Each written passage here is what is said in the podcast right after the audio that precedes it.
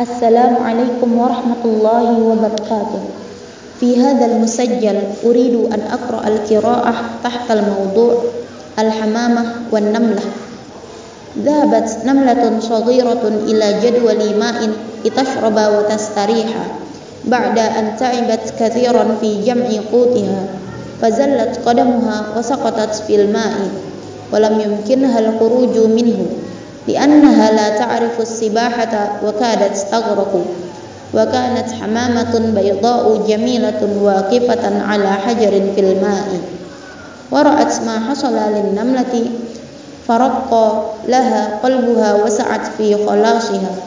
فطارت إلى البر ورجعت وفي منقارها عود من الحشيش مدته على الماء إلى البر.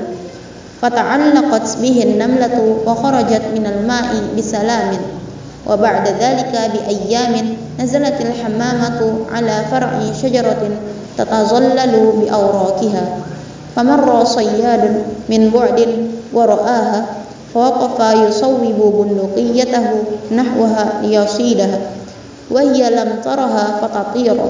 ولكن النملة التي قلصتها تلك الحمامة رأت الصياد وعرفت ما عزم عليه فصعدت في جسمه ولما هم بإطلاق بندقيته فرصته قرصة شديدة أفزعته فتحرك فمالت الرصاصة ولم تصب الحمامة بل نجت جزاء إحسانها إلى النملة ومن يعمل مثقال ذرة خيرا يراه من كتاب القراءة الرشيدة الجزء الثاني. مفردات النص.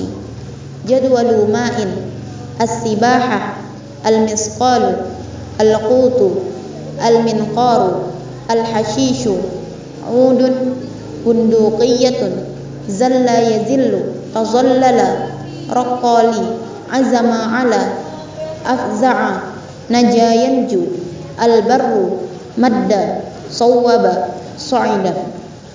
Hakadha minni syukran ala istima'ikum. Wassalamu alaikum warahmatullahi wabarakatuh.